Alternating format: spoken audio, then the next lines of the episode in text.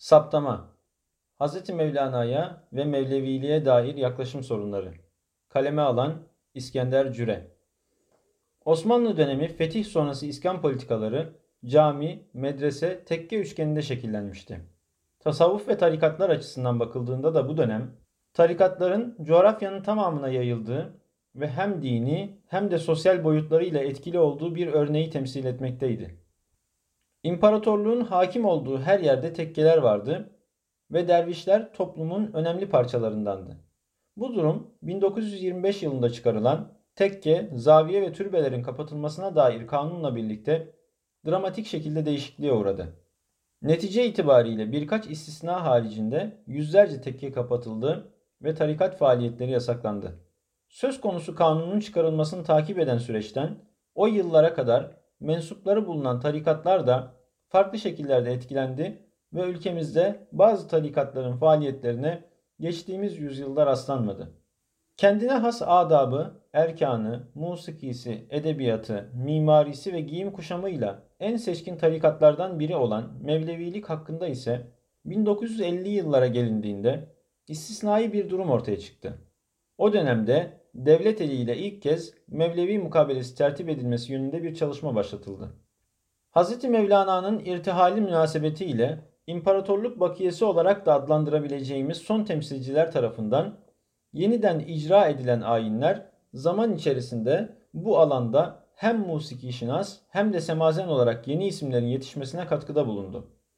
İlerleyen yıllarda ise Kültür Bakanlığı bünyesinde açılan topluluklar marifetiyle bu faaliyetler meşru bir zemine oturtuldu. Bu müsbet gelişmelerin yanı sıra özellikle 2000'li yıllarda iyice ayyuka çıkan sorunlarla karşılaşıldı.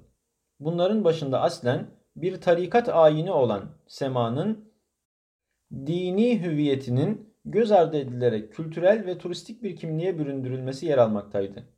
Özellikle turistik bölgelerde adım başı semazenlerin yer alması ve kafe, restoran, düğün salonu gibi yerlerde tarifeli semazenlerin çıkarılması, sema etmenin dönmekten ibaret olduğuna dair bir söylemin oluşmasına sebebiyet verdi. Bu duruma Hz. Mevlana'nın eserlerinin Rumi mahlasıyla özellikle yabancı dillerde farklı türevlerle yayınlanmasının da eklenmesiyle Hz. Mevlana'ya ve Mevleviliğe dair pek çok yaklaşım sorunu doğdu. Günümüzde gelinen noktada Hz. Mevlana'nın eserlerinin ve semazenliğin asıl bağlamından koparılarak popüler kültür öğesi haline getirildiğini söylemek mümkündür. Bu konuda yayımlanan yüzlerce kitabın önemli bir kısmında Hz. Mevlana'nın ayetlere, hadislere yer verdiği yani İslam'ı anlattığı bölümler yok sayılarak evrensel olarak adlandırılan mesajları ön plana çıkarılmaktadır. Bunun sonucunda da çağını aşan bir filozof, hümanist, sevgi ve hoşgörü insanı gibi farklı şekillerde adlandırılan Rumi'nin yolunu takip ettiğini söyleyen gayrimüslim Mevleviler, Budist Mevleviler gibi ne idüğü belirsiz kimseler peyda olmakta, işin en acı tarafı olarak ise bu tiplerin ülkemizde de müşterisi bulunmaktadır. Hz. Mevlana'ya ve Mevleviliğe dair yaklaşım sorunlarının temelinde bu alandaki bilgi eksikliğinin yattığını söylemek mümkündür. Okuma ve araştırma konusundaki eksikliklerimiz çoğu kimsenin malumudur. Ancak ne gariptir ki özellikle hakkında en çok konuşulan bahisler söz konusu olduğunda sathi bilgilerle yetinme durumuyla daha çok karşılaşılmaktadır. Vuslatının 748. yılında halen büyük bir hürmetle andığımız Hz. Mevlana'dan bahsedilirken mana itibariyle örtüşmekle birlikte kendisine ait olmayan ne olursan ol yine gel sözünün en çok dile getirilen sözlerden olması da bu durumun bir göstergesidir. Evet bu söz Hz. Mevlana'ya ait olmadığı gibi hem tercümesi sorunudur hem de yorumları.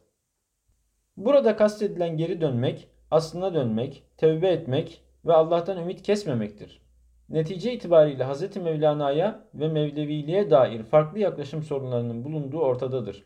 Babası alimlerin sultanı ünvanıyla bilinen, kendisi de İslami ilimleri yüksek derecede tahsil etmiş bir, bir alim olan Mesnevi Manevi'de yüzlerce ayete ve hadise yer veren, aynı zamanda 12 büyük tarikattan biri olan Mevleviliğin piri Hz. Mevlana'nın günümüzde filozof, düşünür, şair gibi unvanlarla tanıtılması ve Mevleviliğin popüler kültür öğesi haline getirilmesi önemli bir sorundur.